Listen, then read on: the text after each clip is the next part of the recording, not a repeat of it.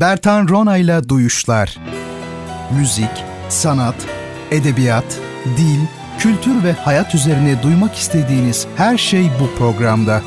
Bertan Ronayla Duyuşlar her çarşamba saat 22'de Samsun'un Gerçek Radyosu'nda. Bertan Ronayla Duyuşlar başlıyor. İyi akşamlar sevgili dinleyicilerim. Bertan Ronayla Duyuşlar programına hoş geldiniz, safalar getirdiniz. Programı sizler için hazırlayan ve her hafta çarşamba gecesi saat 22'de sunmaya çalışan Bertan Rona'yı dinlemektesiniz. Bu programda bildiğiniz üzere daha ziyade sanatla, müzikle, edebiyatla, dil ve felsefe konularıyla, kültür ve hayatla ilgileniyoruz. Konularımız bunlar oluyor genellikle. Onun dışında programımızın aslında e, paleti farklı noktaları da uzanıyor. E, zaman zaman atıyorum genç e, şair adayları ya da şairler ben öyle demeyi tercih ediyorum her zaman sebeplerini söylerim. E, bu dostlarımızı tanıtıyoruz. Yani çok fazla böyle genç arkadaşımızı tanıtmadık bugüne kadar. E, bazı isimleri hatırlıyorum onlar aklımda kalmış. Ama onun dışında yardım kampanyaları oluyor zaman zaman. Farklı böyle açılımlar oluyor bu programda. Zamanın, günün dönemin gidişatına göre öyle söyleyelim. Bir de her e, bölümde tabii kitap hediye ediyoruz sizlere. Bu böyle bir espri karşılıklı e, jest yoksa çok böyle ahım şahım bir hediye olduğundan değil. Ama duyuşları e, takip ederek e, küçük bir kitaplık kurma yolunda ilerleyen dostlar var. Zaman zaman Instagram'da bu hikaye paylaştığı gibi bir şey var ya işte hani oradan falan görüyorum. E, paylaşıyorlar. E, ben de mutlu oluyorum tabii. E, bu gece de yine kitaplarımız olacak. 4 adet kitap. Yaşar Kemal'in Teneke'si, Küçük İskender'in 666'sı, Beckett'in Eko'nun Kemikleri ve Arthur Miller'ın Hepsi Oğlumdu adlı oyunu. Bu kitapları bu gece kazananlara hediye edeceğiz. Tabii kazanmak için bazı soruları bilmeniz gerekiyor. Emeksiz yemek olmaz tabii. Değil mi? E, bu soruları bilen, her bir soruyu bilen ilk kişi olursanız kitabınızı size gönderiyoruz. Nasıl olacaksınız ilk bilen kişi? E, Twitter üzerinden bize e, mention olarak yazacaksınız. Herhangi bir soru olmayacak Twitter'da. Sadece doğrudan benim adıma mention yazacaksınız. Bertan Rona ismine yani. Onu da söyleyelim. Twitter'da, Instagram'da Bertan Rona e, bizim hesabımız. E, onun dışında benim kişisel elektronik posta adresim de öyle. bertanrona.gmail.com Herhangi bir eklenti şu bu yok. Aralarda nokta başka bir şey yok. E, onun dışında duyuşlar.gmail.com bizim siz söyleyin adı elektronik posta hesabımız şeyle ilgili programla ilgili. Oraya da bayağı soru geliyor. Onları toparlayarak bazen soruyorum. Yani o hesapta biraz aktive olmuş durumda. Şimdi sevgili dostlar e, her hafta burs duyurusuyla ben başlıyorum. E, bir öğrencimizde kesin sonuç aldık ve artık ona her ayın birinde hatta bugün başlamış oldu. iki buçuk yıl boyunca hem de gayet güzel bir tutarı göndermiş olacağız. Destek veren herkese çok çok çok teşekkür ediyorum. Ee, öğrencimiz çalışıyor idi. E, artık çalışmayacak. O daha doğrusu şöyle galiba bu pandemi dolayısıyla e, işinden de uzaklaştırılmış e, patronu tarafından. zaten ayrılmayı düşünüyordu bu burs başlayınca. kendini tamamen derslerine verecekti. Üniversite öğrencisi çünkü arkadaşımız. Böylelikle şimdi hiç işi falan düşünmeden çalışıyor olacak. Bundan daha güzel bir mutluluk daha büyük bir mutluluk olamaz. En azından benim için böyle. Çok teşekkür ediyorum. Ee, ve hemen arkasını getirmek istiyorum. O nedenle bizim sırada bekleyen öğrencilerimiz var. Ee, ne yazık ki bu böyle oldu istemezdim. Yani bir havuz gibi olmaya başladı. Yani sıraya koyuyoruz öğrencileri ve bazılarına o ne zaman yetişiriz? Çünkü etimiz budumuz yok. Yani biz hiçbir şeyiz aslında. Biz iş adamı değiliz. Ben çok tanınmış biri değilim, böyle çok zengin biri de değilim. Olsam hani daha farklı belki büyük çapta yardımcı olabilirim ama biz kendi çapımızda yapıyoruz. E sıraya girince de biraz tabii e, ne zaman sıra gelir e, bilemiyorum ama en azından başlardaki arkadaşlarımıza yardımcı olabilmek için e, kendisi ya da çevresinde bildiği herhangi biri, yakını, dostu, eşi, arkadaşı e, bu tür bir yardımda bulunmak isteyen varsa e, bildiği kişiler lütfen e, ulaşsınlar bana bir şekilde Twitter'dan özellikle ya da mail yazarak rahatlıkla ulaşılabilir. E, mutlu olurum yani e, tamamını bir bursun vermek değil yani bu bir havuz. Biz aslında e, insanların verdiği paraları o havuzda e, öyle düşünmeliyiz yani birikiyormuş gibi ve o şekilde aktarılıyor gibi. Dekontlarda hep iletilmek kaydıyla tabii ki çünkü para işleri çok risklidir yani sakat işler. Hiç de girdiğim işler değil bugüne kadar ama e şimdi e, yardım kampanyası başka, öğrenciye burs vermek başka. Size e, Türkiye'nin hatta dünyanın dört bir yanından mesajlar geliyor. Ben aylık şu kadar veririm, ben aylık bu kadar veririm. Yani e, benim bir asistanım da yok. Şimdi ben onları nasıl ayarlayayım yani? Anlatabiliyor muyum? O zaman ne yapıyorsunuz? Mecburen kolları sıvıyorsunuz. Böyle bayağı hani eski böyle babalarımızın yaptığı gibi e, şey hesap tutup falan böyle masada çalışıp aman milimetrik bir e, şey olmasın, bir yanlışlık olmasın, dekontları gönderelim gibi böyle durumlar oluyor. Ama niye katlanıyoruz buna? Çünkü sonuç, yani sonuç çok önemli. İnsanlara yardımcı olmak, sonuç bu. Peki şimdi bu gece yine bir genç şair arkadaşımızı, şaire öyle diyelim eski tabirle e, tanıtmak istiyorum sizlere. Program içerisinde kendisinden söz edeceğim ve bir de şiirini okuyacağım. E, bundan böyle de e, şiirlerinin okunmasını, kendilerinin tanıtılmasını isteyen arkadaşlar varsa bana ulaşabilirler. Eskiden daha çok oluyordu. Bu son zamanlarda pek olmamıştı. Uzun bir aradan sonra ilk defa oldu. Şimdi hediye kitaplarımızı tanıttık. E, Instagram'a ben yükledim sevgili dostlar kapaklarını. Oradan bakarsınız yine. Yaşar Kemal'in tenekesi, Küçük İskender'in 666'sı, Samuel Beckett'in Eko'nun kemikleri ve Arthur Miller'ın hepsi oğlumdu. Şimdi ben yine e, Instagram'a iki adet e, görsel yükledim. Bunlardan birincisinin ressamı belli değil. Şu an Instagram'dan görüyorsunuzdur diye tahmin ediyorum. Bertan Rona hesabından bulabilirsiniz. E, bu resmin, tablonun ressamı belli değil, anonim olarak geçiyor. Yarım kalmış bir çalışma. Zaten yarım kaldığı belli. Çok net bir şekilde anlaşılıyor yarım kaldığı. E, bu şeyde gördüğünüz, resimde gördüğünüz kişi Wolfgang Amadeus Mozart.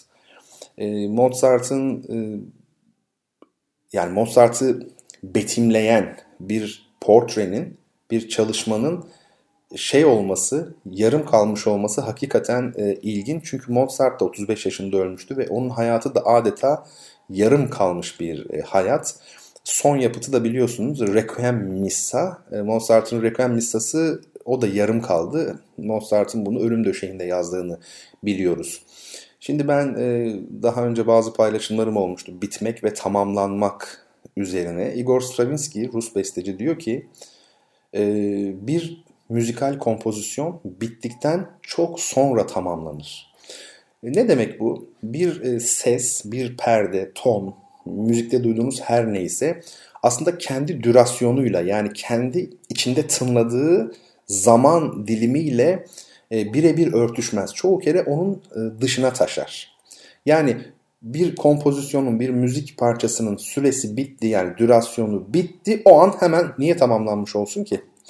E, her bir birim kendi içinde bulunduğu o kabuğun dışına taşıyor aslında. Yapı bu. O bakımdan yani biten her şey tamamlanır mı? Tamamlanan her şey bitmiş olur mu? Bunları iyi düşünmek lazım. Burada tabii bir de e, ertelenme kavramını e, göz önünde bulundurmak gerekiyor. Ertelenmek nedir? Tarihin e, ve her türlü yaşanmışlık, yaşanmışlığın imkanı ertelenmektir belki. Çünkü ertelenme olmasa yani şöyle düşünelim. E, işte kıyametin kopması. Öyle değil mi? Bütün kutsal kitapların bahsettiği e, büyük bir kozmik e, olay diyelim. Bu ne olmuş oluyor? Hani dinler açısından baktığımızda bu e, tarihin aslında e, insan hayatının işte bir çeşit yaşanması imkanı. Yani kıyamet ertelenmemiş olsaydı öyle değil mi? O zaman tarih yaşanmazdı. Yani bu, bu konuyu anlamak için iyi bir örnek de o yüzden söylüyorum. Dolayısıyla bazı fiilleri yapabilmek için başka bazı fiillerin ertelenmiş olması gerekir. Yani e, sebep sonuç ilişkisinde sonuç da sebebi etkiler. Çünkü sebebin içerisinde o sonuç içkin biçimde vardır zaten. Öyle değil mi? E, şimdi Johann Sebastian Bach yine bir başka büyük besteci. E, Mozart'tan önce yaşadı. Son yapıtı Johann Sebastian Bach'ın Füg Sanatı adı verilen bir yapıt. Bu eser e, si bemol, la, do, si sesleriyle bitiyor. Ve yarım kalmış bir eser. Yani piyanoda çaldığınız zaman yarım kaldığı çok net yani bitmeden öyle havada kalmış. Ee, ve bu sesler dediğim gibi si bemol la do si e, son sesleri. Şimdi baktığınızda si bemol la do si e, çok sesli müzikte her notanın bir harf karşılığı vardır. Si bemol la do si'nin karşılığı da B A C H. Yani Johann Sebastian Bach'ın ismi Bach. B A C H. E, Bach bir görüşe göre burada öleceğini hissedince ölüm döşeğinde zaten damadına yazdırıyormuş, dikte ettiriyormuş yapıtı. Öleceğini anlayınca kendi e, işte efendime söyleyeyim e, adıyla bir imza atmak istedi şeklinde görüşler var. Ben bundan ziyade Bach'ın eseri özellikle öyle bıraktığını düşünüyorum. Yani sonsuzluk tamamlasın onu düşüncesiyle. E bunlar tabii şey yani sonsuzlukla tamamlanmak çok derin felsefi mevzular. Sanat tarihinde de yansımaları var. Onun görülmesini istediğim için anlatıyorum biraz da bunları. E, yine opera edebiyatının en ünlü eserlerinden biri Turandot operası. Puccini'nin herhalde başyapıtıdır. Turandot, oradaki dot aslında daughter yani duhter Farsça kız kardeş yani Turandot. Kız özür dilerim kız kardeş değil kızı. E, Turan'ın kızı. E, yani Türklerle o anlamda ilgisi olan bir eser. E, mesela bu da yarım kalmış bir eserdir. Başyapıt olmasına karşın. Puccini'nin öğrencisi Alfano tarafından e, tamamlanmıştır son perdesinin e, bir kısmı. Şimdi diğer görsele baktığımızda Instagram'dan sizler için paylaştığım, e, Bertan Rona hesabından paylaştığım diğer görsele baktığımızda ortada bir Picasso çalışması görüyoruz. Öyle değil mi? Çok açık bir biçimde belli ki bu çalışma da e, yarım kalmış bir çalışma. Tamamlanmamış bir eser. E, John Berger üzerine program yaptık mı hatırlamıyorum ama onun e, yani müstakil bir program yapmamış olsak da onun çalışmalarından, eserlerinden, sözlerinden mutlaka bahsetmişizdir. John Berger e, ne demiş biliyor musunuz? Picasso bitmemiş olanın ustasıydı. Bitmemiş sanat yapıtının değil, bitmemiş insan deneyiminin ustası. Burada da bir başka önemli vurgu noktası var. Bir sanat yapıtının bitmiş olması, bitmemiş olması bizim böyle dışarıdan karar verebileceğimiz bir şey değil hemen. Ha, bazı renkler eksik kalmış, ha bu bitmiş. Bazıları da bitmiş görünüyor, belki de bitmemiştir. Öyle değil mi? Çünkü sanat yapıtı kendisi değildir aslında. Bir, gö- bir şeyi gösteriyor sanat yapıtı. O bakımdan baktığımızda ne diyor John Berger? Bitmemiş insan deneyiminin ustası.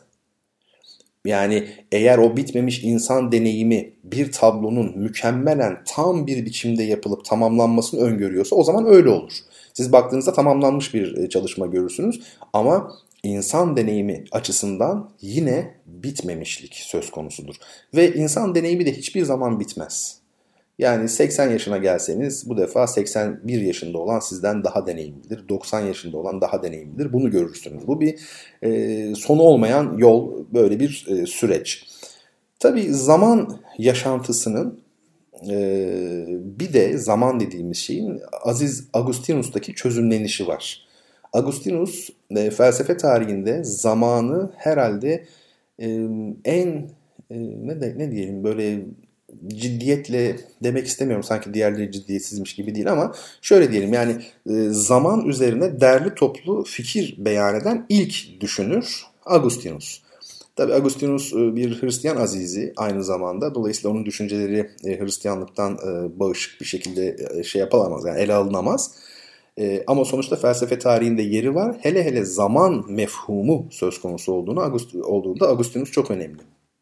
Şimdi şunu söyleyelim. Onun bizim bildiğimiz gündelik zamanla ilgili çok çok çok ilginç çözümlemeleri vardır. E, zamanın aslında hayali bir mefhum olduğunu ve tahmin edebileceğiniz gibi işte nesnel idealizmden de geçerek öznel idealizme doğru her dini e, düşüncenin varması zorunlu olan nokta yani bizim tasavvufta alemlerin aslı hayaldir denilen ya da Berkeley'nin e, İrlandalı papaz ve düşünür Berkeley'nin öznel idealizm çerçevesinde söylediği bir söz var ya e, eğer bir defa Tanrı'nın ya da şöyle diyelim eğer bir defa maddenin, alemin var olduğu kabul edilirse o zaman Tanrı'nın madde olmadığı ispat edilemez. Bunların hepsi aynı şeyden bahsediyor. Yani biz yokuz aslında alemler bir hayal. Biz Tanrı'nın e, zihninde e, varız e, düşüncesi. Yani nesnel idealizmin öznel idealizme doğru mecburi e, seyahati bundan kaynaklanıyor aslına baktığınızda.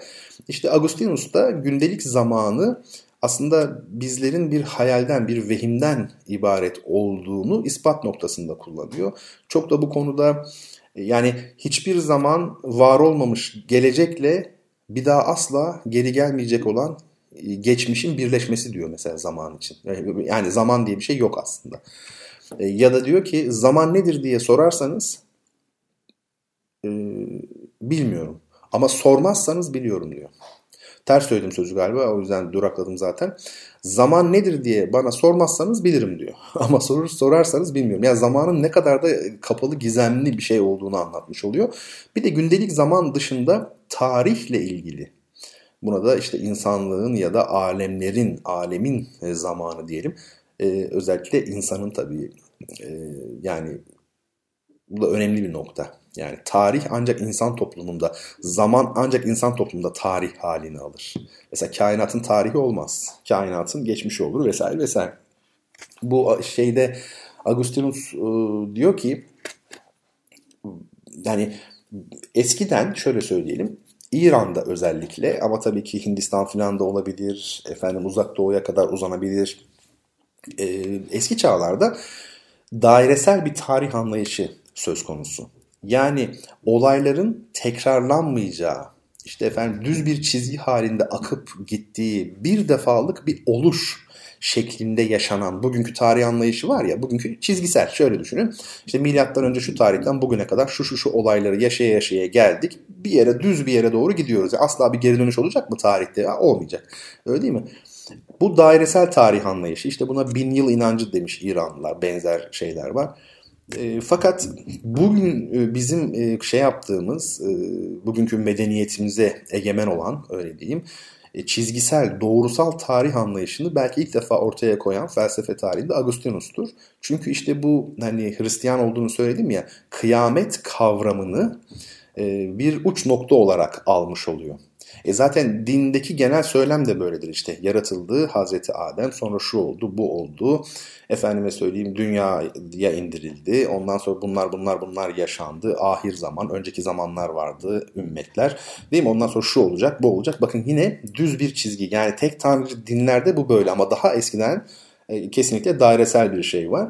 Bir de tabii ben radyo programı bu çok kapsamlı anlatamıyorum. Bugün de zaten böyle çok aşırı derecede e, uykusuzum.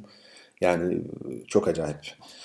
E, düşüncemi de biraz zor topluyorum. E, ama e, bu radyo programı kapsamında şöyle düşünelim. Sadece ben size aslında çalışmanız için, okumanız için, incelemeniz için konu başlıkları veriyorum. Belki merak uyandırıyorum. İstediğim şey de bu. Bunları okuyun, araştırın vesaire diye. Yoksa sadece Agustinus'un işte efendim zaman anlayışı, tarih anlayışı bir dönemlik ders olur en az. Size söyleyeyim yani. E, niye söyledim bunu? Çünkü mesela Fichte geldi aklıma. Diyor ki dün neydim, bugün neyim, tüm bunlar yarın ne olacağımla anlam kazanır diyor. Yani dün ne olduğum, bugün ne olduğum yarın ne olacağımla anlam kazanır. Demiştim ya hani sadece sebep sonuç ilişkisini tek taraflı düşünmemek lazım. Sonuç da kendi sebebinde içkin olarak barınmaktadır. Çünkü o sebep o sonuca gidecek şekilde var olmuştur.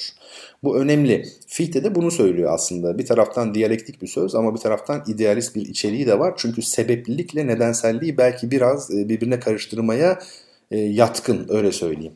Sebeplilik e, dinde ve idealist felsefede vardır. Yani Hegel felsefesinde vardır. Öyle değil mi? Yani amaçlılık, sebeplilik dediğim o. Amaçlılık diyelim. Dinde de vardır. Yani insanlar işte cennete gitmek için yaratılmıştır. Mesela bakın amaçlılık. Ama e, öbürü nedensellik tamamen bilimde ve materyalist felsefede olan bir şey. Yine Karl Kraus çok özel bir isimdir. Karl Kraus'u takip edin özellikle bu 2. Dünya Savaşı yıllarında öncesinde.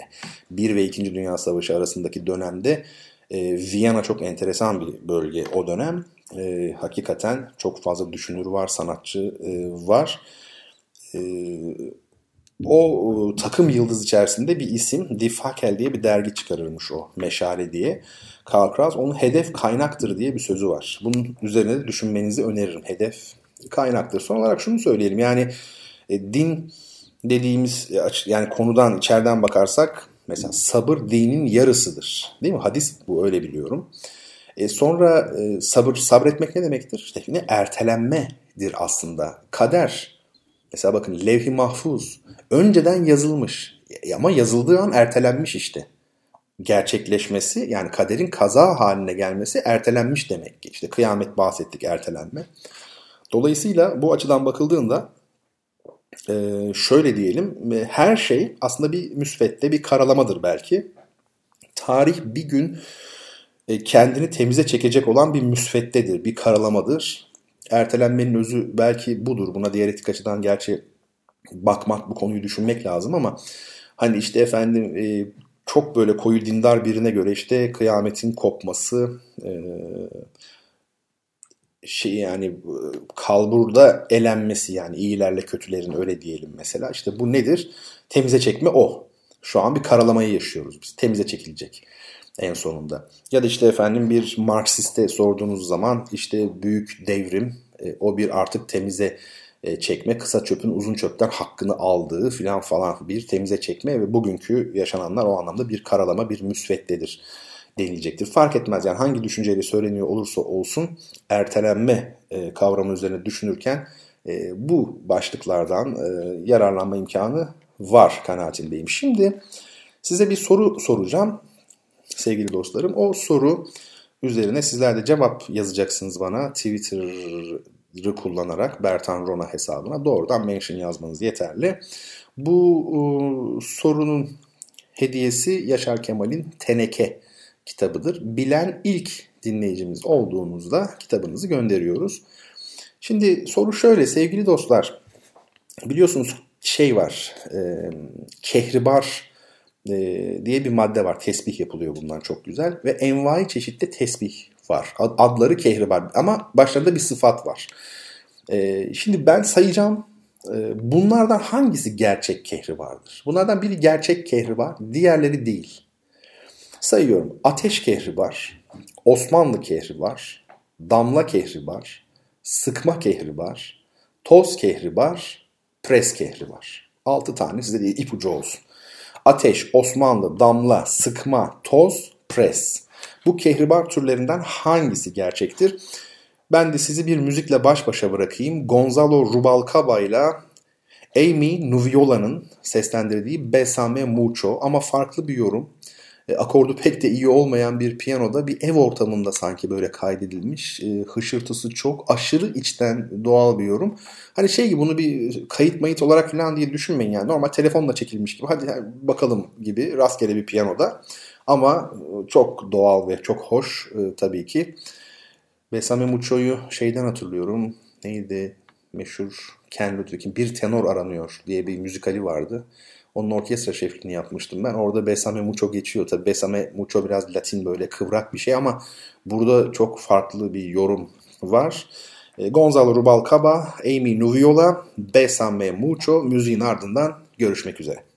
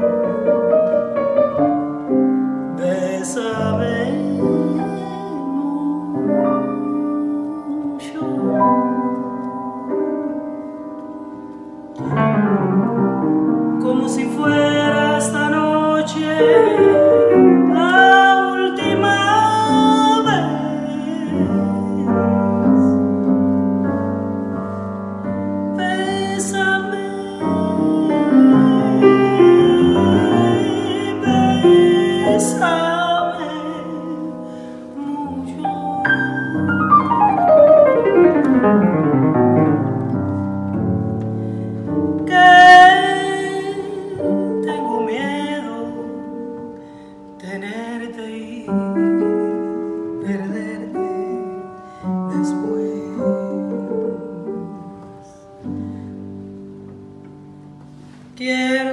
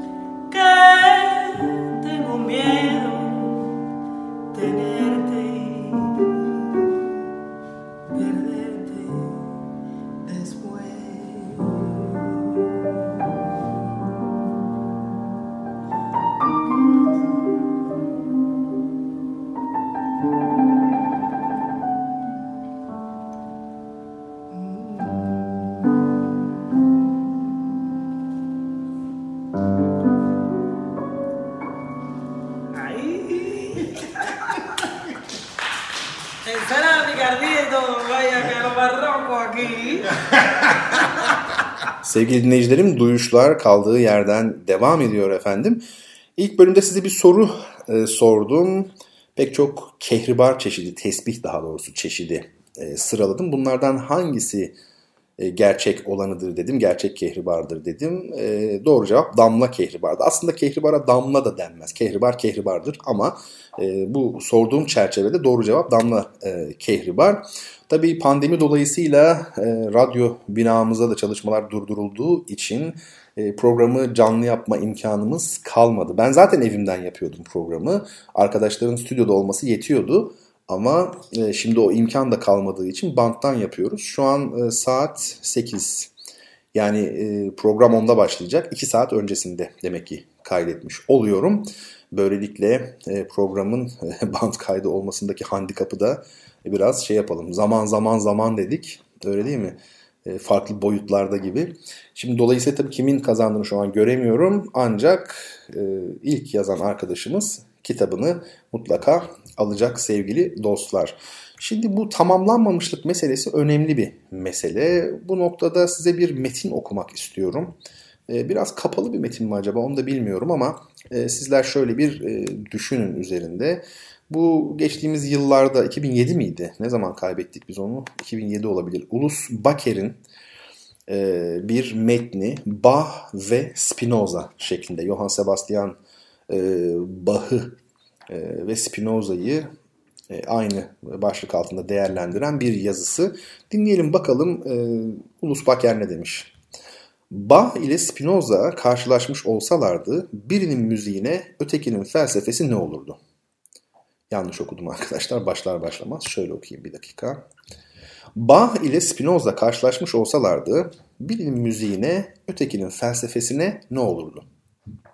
Böyle bir karşılaşmayı düşleyenler mesela Hollandalı Rabbi de Cardozo benden önce vardı. Ayrıca Deleuze'ün Spinoza üstüne kitabını felsefede ekspresyonizm, Spinoza. Spinoza barok muydu? Başlıklı bir bölümle bitirdiğini ancak sonuçta barok ile Leibniz'i buluşturmakla yetindiğini de hatırlıyoruz. Bağ döneminde işlevleri ne olursa olsun müzik bir saf afektler dünyasıdır ve belki Spinoza'nın Etikası'nın 3. bölümü yani De Affectibus bu saf efektler dünyasıdır. Arkadaşlar okumakta zorluk çekiyorum bu yazıyı ben size. Şu an içinde bulunduğum fiziksel koşullardan ötürü zorluk çekiyorum. Tarif etmesi güç. Dilerseniz bunu haftaya mı bıraksak? Öyle yapalım. Ben bu yazıyı haftaya bırakayım. Ee, unutmam da bunu. Hatta şöyle bir e, notumu alayım.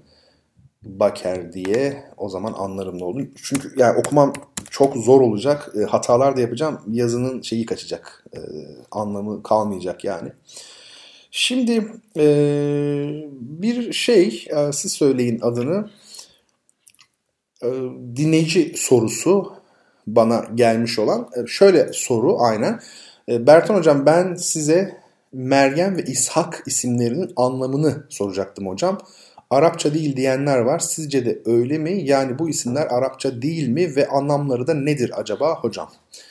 Ee, şimdi bu isimler Arapça değil mi? Ee, sıklıkla söylediğim bir şey var. Onu ben tabii şey yapayım. Yine belirteyim. Ben dil bilimci değilim yani e, sevgili dinleyenlerim. Yani bunu zaten söylemem bile çok komik ve abes tabii ki değilim yani. Çok ciddi büyük bir bilim dalından bahsediyoruz. Ben kültür tarihiyle daha çok ilgili bir insanım ve kelimeler de e, kavram taşıyıcısı oldukları için kültür tarihini anlamakta son derece büyük önem taşıyorlar.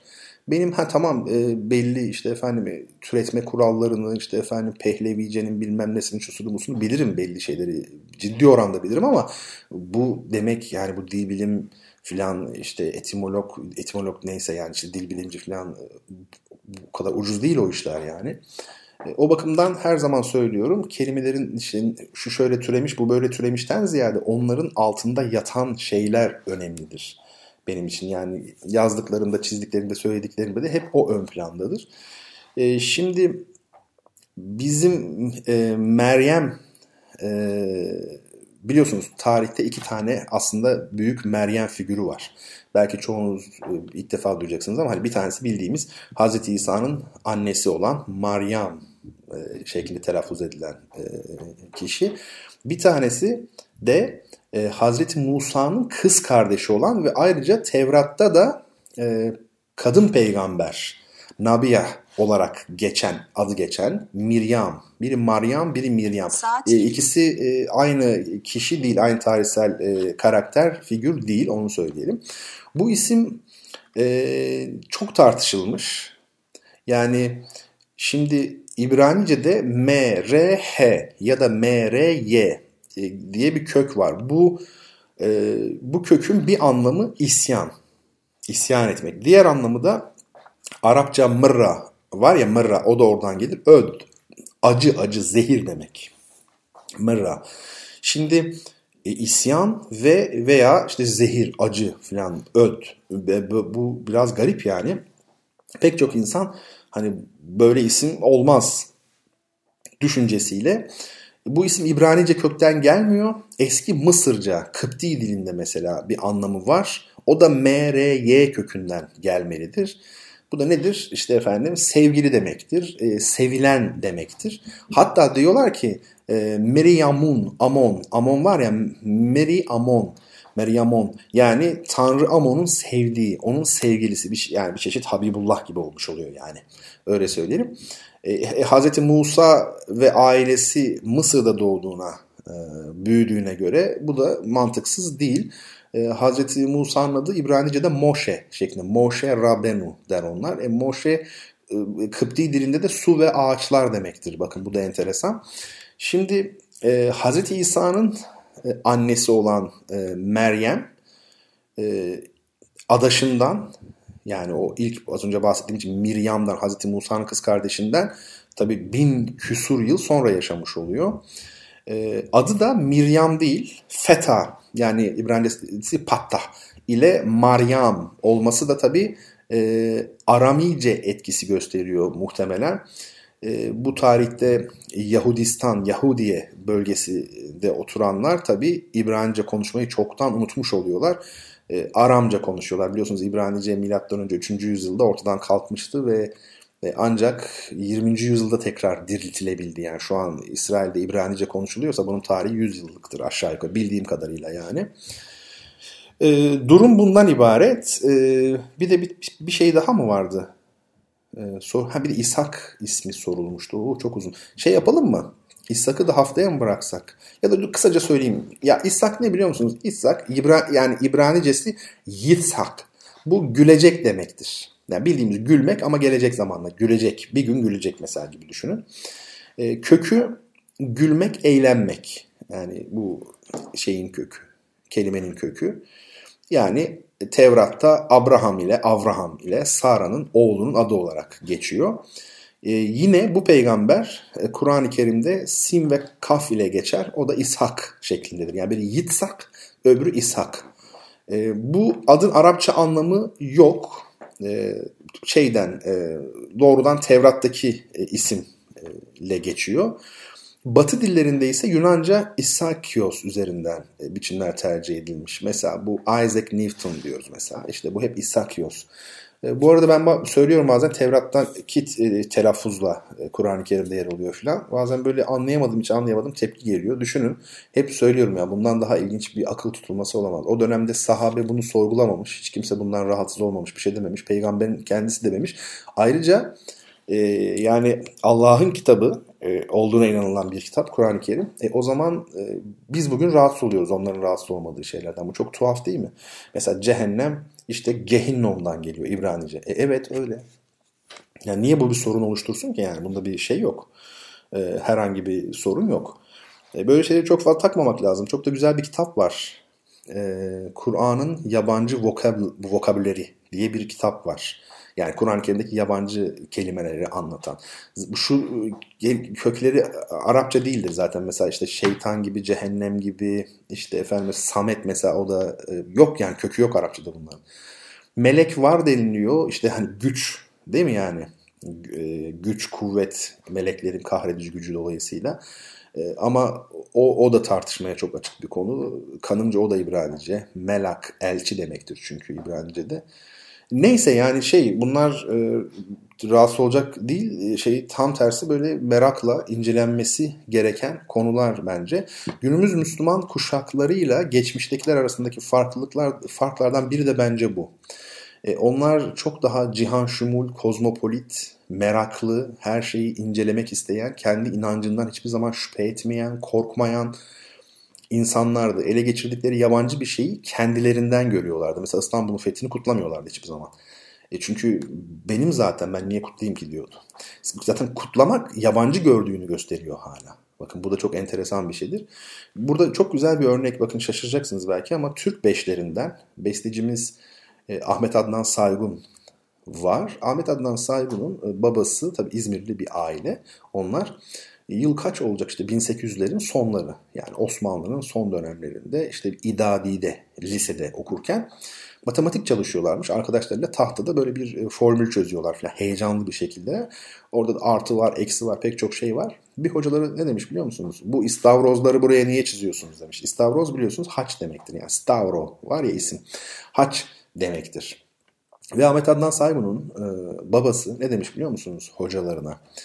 E, biz demiş e, şeyleri e, istavrozları artı diye biliyorduk. Siz artıları istavroz yaptınız demiş.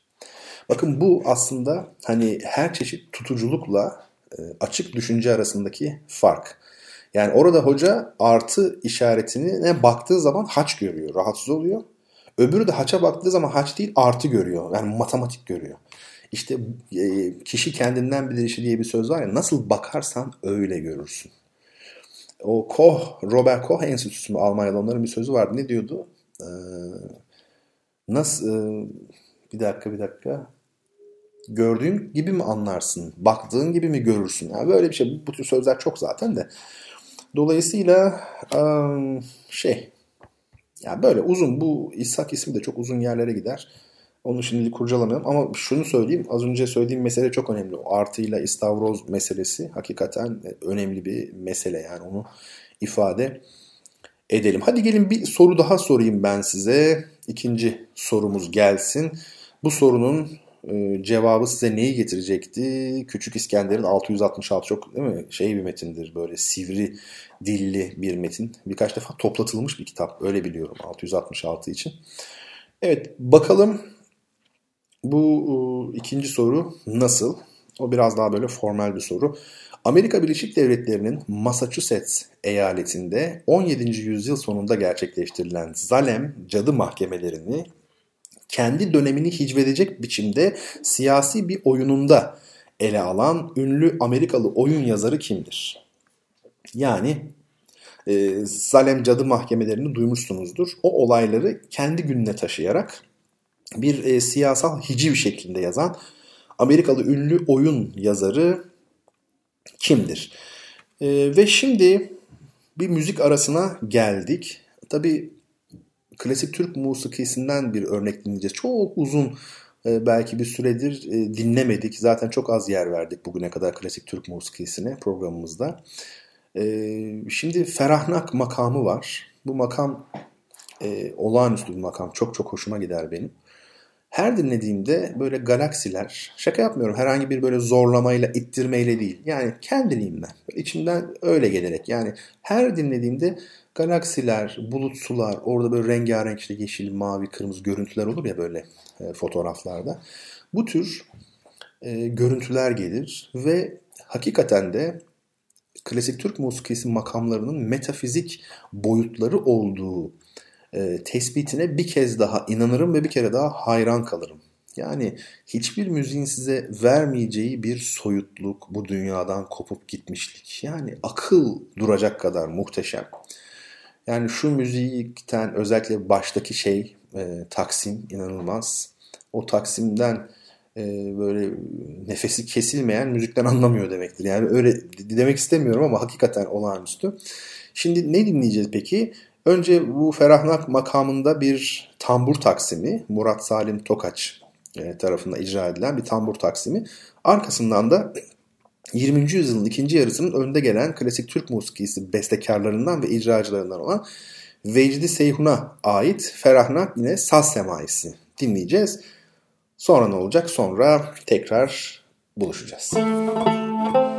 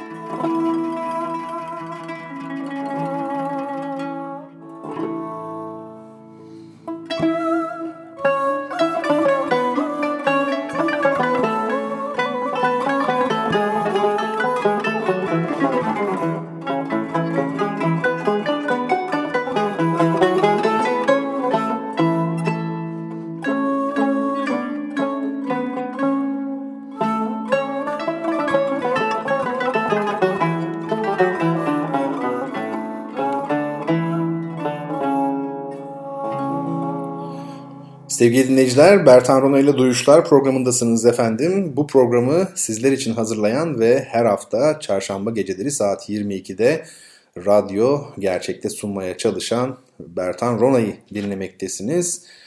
Ee, bu gece yine çarşamba sizlerle birlikteyiz. Programımızı sürdürüyoruz efendim. Bu programda müzik, edebiyat, sanat, felsefe, dil, kültür konuları üzerinde durmaktayız. Ve sizlere çeşitli e, kitaplar hediye etmekteyiz. O bakımdan sosyal medya hesaplarımızı bir kere daha e, anonse edeyim sizler için. E, Twitter'da ve Instagram'da Bertan Rona olarak bulunuyoruz efendim. Onun dışında bertanrona.gmail.com e, doğrudan bana ulaşabileceğiniz. E, duyuşlar.gmail.com ise e, radyo programı ile ilgili e, dilek, istek, şikayet, öner, tehdit et falan var öyle kutular vardı. Öner, şikayet et, tehdit et falan. E, yani o tür maillerinizi yazabileceğiniz bir hesaptır. Şimdi e, kitap hediyelerimiz için çeşitli sorular soruyoruz sizlere ve sizler de e, Bertan Rona Twitter hesabına cevap yazıyorsunuz doğrudan mention olarak ve cevabı yazan ilk kişi olduğunuzda kitabınızı kazanıyorsunuz. Instagram ise şu açıdan önemli. Zaman zaman çeşitli görseller paylaşıyorum ben Instagram'dan. Bu programla bağlantılı. Mesela bir resim analizi yapacağız diyelim. Sizler bir taraftan resmi orada görüp bir taraftan da kulaklıkla uzandığınız yerden belki de programı takip edebiliyorsunuz. E, bu gece de çok böyle detaylı bir analiz olmasa da bir iki görsel üzerine e, konuştuk. Onları geriye dönük olarak Instagram'da bulabilirsiniz. Bu arada e, bugüne kadar hiç söylemediğimi fark ettim. Duyuşların bütün eski bölümlerini SoundCloud'da bulabilirsiniz. Zannediyorum program yayınlandıktan sonra bir haftalık bir zaman dilimi içerisinde yani bir sonraki program yayınlanır yayınlanmaz o geride kalmış olan program hemen SoundCloud'a yükleniyor ekibimiz tarafından. Dolayısıyla duyuşların bütün bölümleri e, var SoundCloud'da. SoundCloud'a girip e, radyo gerçek yazdığınızda ya da Bertan Rona yazdığınızda bilmiyorum bakarsınız artık orada hemen duyuşları bulabiliyorsunuz. E, geriye dönük çok renkli başka başka konulardan sohbet ettiğimiz programlar söz konusu. O bakımdan ilgi çekici olabilir. Evet aradan önce sorduğum sorunun cevabı Arthur Miller'dı. İlginçtir. Bu gece e, hediye edeceğimiz kitaplardan sonuncusu, dördüncüsü de Arthur Miller'a ait. Hepsi Oğlumdu adlı e, oyunu Arthur Miller'ın. Ama şimdi ikinci sorunun cevabı olarak sahibine bir kitap e, göndermiş oldu Arthur Miller. Böylelikle Küçük İskender'i de sahibine gönderdik. Şu an kayıt bir program e, yapmış olduğumuz için e, tabii kimin kazandığını bilmiyorum ama e, 1-2 saat sonra belli olacak. 2-3 saat sonra diyelim. Ve e, çok değerli dinleyicim kitabına kavuşmuş olacak. Ona göndereceğiz. Evet şimdi Sümeyye Toklucu'nun Giz adlı şiirini elimden geldiğince sizlere okumak istiyorum. Haykırılır mı sevda bir avazda dağlara, yüreğinin yankısında cehennem saklıysa? Savurmakla külü ölmez anka, sinemde kal, figana düşme. Anlatılır mı derdin en sadık dosta bile, çalmaz mı bir kusura dilden dile? Ne laflar ki zehirden öte, sırrım kal, dillere düşme.'' Söylenir mi her düş, her ırmağa, koşa koşa döküldüğü ummanı varsa, nice denizler ki korlardan fena, uykunda kal, sulara düşme. Mahsus değil mi yalnızlık yüce Rabbe? Değmez mi tek bakışın koca şehre? Düşlerin ameli yoktur gökte. Aramızda kal, suale düşme. Üstün gelir mi varlığın yokluğuna? Fark atar mı kum diyarı buz dağına? Kardelenle kaktüs aynı karında. Mucizim kal, ezbere düşme. Anladım çaresiz, kalem de divitte. Güneşin şifası olur çölde açan güle.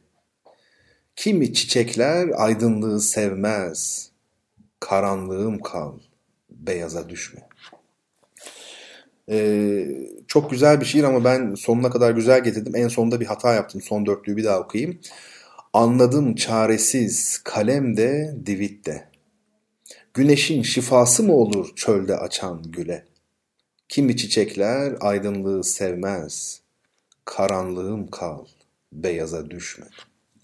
Tabii şiirin en güzel yerinde hata yapmış oldum. Olur böyle şeyler. ne yapalım yani ama e, gördüğünüz gibi çok çok güzel bir şiir. Ben ilk e, okuduğumda da çok e, beğenmiştim. E, Sümeyye Hanım'a başarılar diliyorum. Bundan sonraki çalışmalarında inşallah e, öyle söyledi yani. Yazacak bundan sonra biraz daha derli toplu bakacak ve olursa da belki bir kitap e, çıkaracak. Ben ona o konuda yardımcı e, olacağım. E, şimdi duyuşlarda tabii dediğim gibi e, bazı genç böyle arkadaşlara yer verdik şiir yazmak isteyen dedim ya işte Meryem Betül Koçak e, genç arkadaşlar falan diyorum. Çoğu kendini ispat etmiş insanlar zaten e, belki de kitapları da vardır. Benim haberim yoktur yani yanlış anlaşılmasın tabii. Meryem Betül Koçak, Mustafa Kemal Aydemir bunlardan ilk aklıma gelenler. E, buradan şiir yazan bütün dostlara bir kere daha söylemek istiyorum. Duyuşların kapıları sizlere tabii sonuna kadar açık. E, benden fikir almak e, isteyenlere de zaman verdiğince yardımcı olurum. E, başka arkadaşlar da var şiirlerini gönderen. Onları unutmuş değilim. Sadece hani belki tercih etmezler isimlerinin e, zikredilmesini. O sebeple söylemiyorum aslında. Şimdi sevgili dostlar üçüncü kitabımızı artık gönderelim. Sorumuz şöyle. Moğolları mağlup eden ilk hükümdar olan, bütün ömrünü Cengiz Han ve oğullarıyla mücadeleye hasreden, Cengiz Han ile yaptığı bir savaşta yenilince atıyla Indus nehrinin karşı tarafına geçmesi yüzyıllar boyunca bir efsaneye dönüşen Harezm Şahlar Devleti'nin son hükümdarı kimdir? Ee, büyük bir e, hükümdar sevgili dinleyicilerim. Ve şimdi bir müzik arası yapalım. Ee, opera bestecilerimizden aynı zamanda 79 ile 92 yılları arasında farklı dönemlerde İstanbul Devlet Opera ve Balesi'ni e, müdür ve sanat yönetmeni olarak yönetmiş olan e, bestecimiz Okan Demiriş'in 2010 yılında vefat etti Allah rahmet eylesin. Okan Demiriş'in 4. Murat operasından bir arya ile e, aramızı vermiş olacağız. Seslendiren Leyla Demiriş, aynı zamanda Okan Demiriş'in eşi olur kendisi. Leyla Hanım soprano. E, 4. Murat operasından Benim Gecemden Doğan Yıldızın Kösem Sultan söylüyor bunu. Dördüncü Murad'ı yani oğlunu eleştirdiği bir arya. Benim gecemden doğan yıldızın. Çok böyle e, uçucu değişik bir müziği vardır. Gerçekten de o gizemin o dönemin içine gidersiniz çok enteresan bir şekilde. E, şöyle bir dikkatle dinleyelim. Arkasından da birlikte olalım efendim.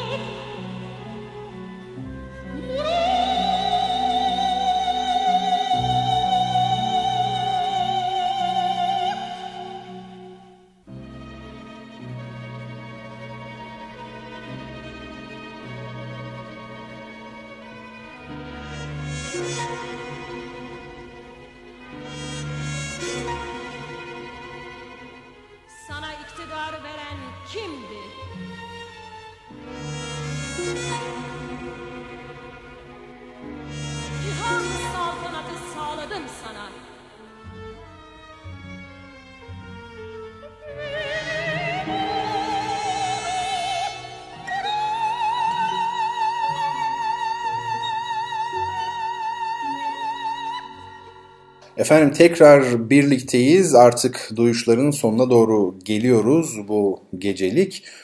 Ee, bir soru sormuştum size. Neydi o soru? Moğolları mağlup eden ilk hükümdar ve Harezmşahlar devletinin e, son hükümdarı kimdi o? Tabii ki Celaleddin Harezmşah. Farklı şekillerde de ismi dile getiriliyor ama Celaleddin adı benim için yeterli. Şimdi dilerseniz bu hafta madem 4 kitap veriyoruz biraz böyle sıkışık oluyor ama e, son kitabımızı vermek üzere sorumu sorayım. Sonra birkaç husustan bahsedelim ve programımızı toparlayalım artık. Soru şöyle, İran-Irak savaşı sırasında Saddam Hüseyin'in Irak'ın kuzeyinde Kürtlere karşı düzenlediği ve yaklaşık 5000 insanın hayatını kaybettiği kimyasal e, saldırıya o katliama ne ad verilmektedir? Soru bu. Tabi dünya basını o dönem pek ilgilenmemişti bu olayla ama ne zamanki Körfez Savaşı gündeme geldi Saddam Hüseyin'i kötülemek için birkaç sene evvelki olaya dönüp Saddam da zaten şöyle yapmıştı filan dediler. E, mide bulandırıcı bir şekilde. O da ayrı bir dava. Şimdi bir dinleyicim şöyle sormuş bana geçen hafta e, ya arkadaşlar şöyle çok fazla e, mesaj geliyor hakikaten bazen her türden mesajlar var bunlar içerisinde. İşte hani şiirini paylaşanlar falan onlar öncelikli tabii o tür şeyler veya yardım istekleri falan olabiliyor zaman zaman ama e, onun e, dışında farklı böyle konu başlıklarından diyebileceğim çok fazla mesaj geliyor. Ben yetişemiyorum bazı şeyleri çoğu şeyi atlamak zorunda atlıyorum daha doğrusu farkında bile olmadan. Bazen ne oluyor biliyor musunuz? Mesela mesajlara şöyle bir atladığım bir şey var mı diye bakarken bir bakıyorum 6 ay öncesinden neredeyse bir şey okuduğumu da hatırlıyorum ama işte Hani cevap veririm demişim öyle başka şeyler araya girmiş kalmış mesela. Tabii mahcup da oluyorum öyle biri değilim çünkü yapım hani mutlaka cevap vermemi yani şey yapıyor gerektiriyor ama ne yapayım e, kusura bakmayın elimden geleni yapıyorum ama onu bilin. Bu arada e, sevgili Fatih'in, Fatih Çelik'in onun mesajını kesinlikle unutmuş değilim onu söyleyeyim. E, şu an aklıma geldiği için söylüyorum. Yazmadım kendisine yazacaktım. Atlamışım onu. Aklımda yani mesajı tamamen aklımda. Şimdi e, hatta bilgisayarımın masa üstünde duruyor sevgili Fatih onu söyleyeyim. Fatih e, müdavimlerimizden en eski dinleyicilerimden biri. Şimdi e, bir, bir şeyde soruda şöyle denmiş. Abi her şeyi e, beğeniyor musun gerçekten? Ben şimdi beğeniyorum ya Twitter'ı kastediyor. Twitter'da böyle beğeniyorum falan. Ya beğeniyorum. Niye beğeniyorum? Eskilerde de sanki böyle bir soru gelmişti bana. Şimdi orada bana verilen cevaptaki düşüncenin doğru veya yanlış olmasından ziyade e, bu fikrin dile getirilmesini beğeniyorum. Anlatabiliyor muyum? Ya illaki katıldığım şeyleri beğenmek zorunda değilim. Katılmadıklarımı da beğeniyorum yani. Bu bir. Bir de tabii ki takipçimle bir e, e, iletişimim olmuş oluyor o kanalla. Çünkü şey yapamam yani teker teker cevap yazamam. Ee, çok nadir durumlar dışında. Bu, böyle güzel bir tarafı da var. İletişim kurmuş da oluyorsunuz. Bu güzel.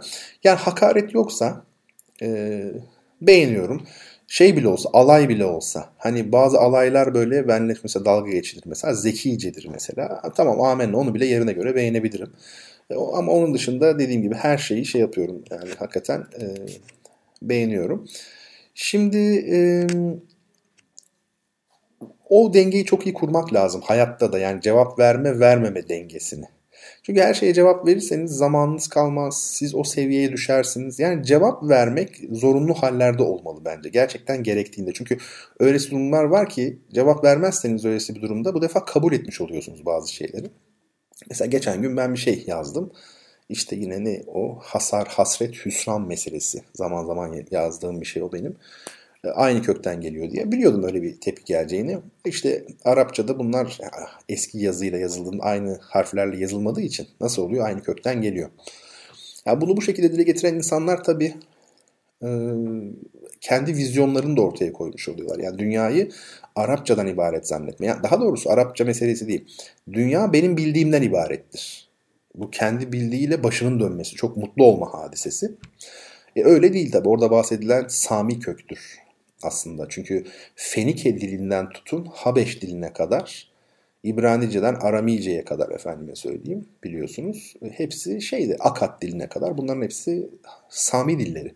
Dolayısıyla oradaki akrabalık Arapçanın da altına inen daha e, eski bir akrabalık aslında. Kök dille ilgili bir akrabalık.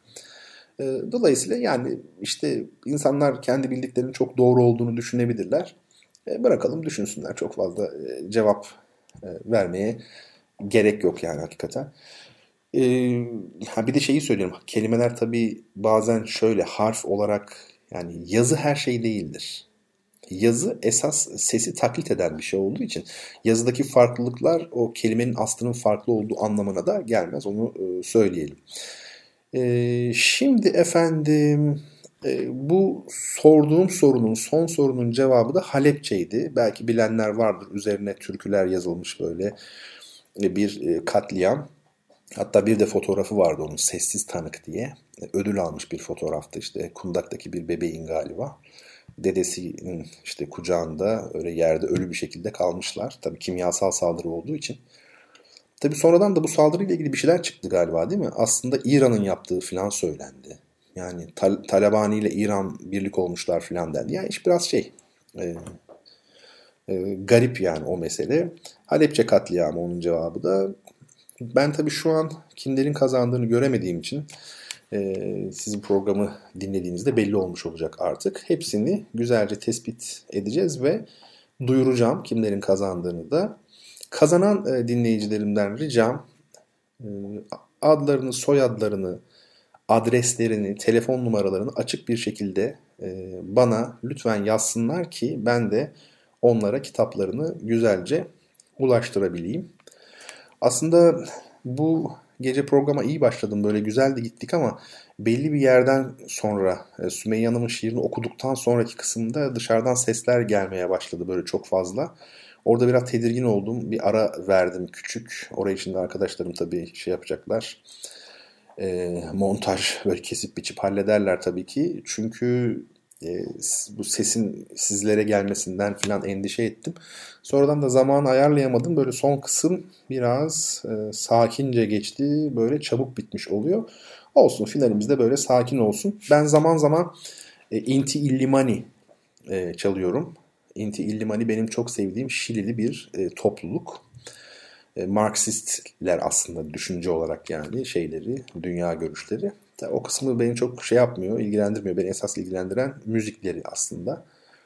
E, ve çok güzel bir müzik, Şili müziği. Ve bayılıyorum. Subida adlı bir parçaları var. Zaman zaman e, Inti çalıyorum ama Subida'yı ilk defa e, dinleteceğim size. Güzelce bir dinleyelim. Ant dağlarının o böyle yüksek, temiz, e, havalı Antiplano diyor onlar. O bölgeleri. Benim şeyim vardı. Çok eskiden İzmir'de e, Şilili bir ikili gelmişti. Onlarla böyle arkadaş olmuştum. Onlar da gitar çalıp bu tür müzik yapıyorlar. Papolete ikilisi. İki kardeşlerdi. Papolete isimleri, soyadları yani. Onlardan pek çok şey öğrenmiştim Şili kültürüne dair. E, şimdi bildikçe kullanayım ben, de. E, dinleyince siz de böyle o taze, çarpıcı, e, esintili e, ruhu, havayı kesinlikle yakalayacaksınız. Sevgili dinleyenlerim, benden bu gecelik bu kadar. E, pandemi koşulları devam ettiği müddetçe programı ben de kayıt olarak bu şekilde yapacağım. Ama kayıt da olsa arada bir saat iki saat fark var. E, çünkü bir saat sonra zaten saat 10 olacak. E, kayıt da olsa e, canlıya yakın bir etkileşim sağlamış olacağız ve eski bölümleri dinlemek yerine sonuçta yeni bir bölüm dinlemiş olacaksınız. Ancak pandemi e, sona erdikten sonra artık koşullar rahatladıktan sonra yine canlı yayınlar şeklinde devam ederiz efendim. Bertan Rona ile Duyuşlardan hepinize hürmet ve muhabbet sevgili dinleyenlerim. Haftaya aynı gece aynı saatte sizlerle birlikte olabilmeyi diliyoruz. Hepiniz kendinize iyi bakın lütfen. Esen kalın.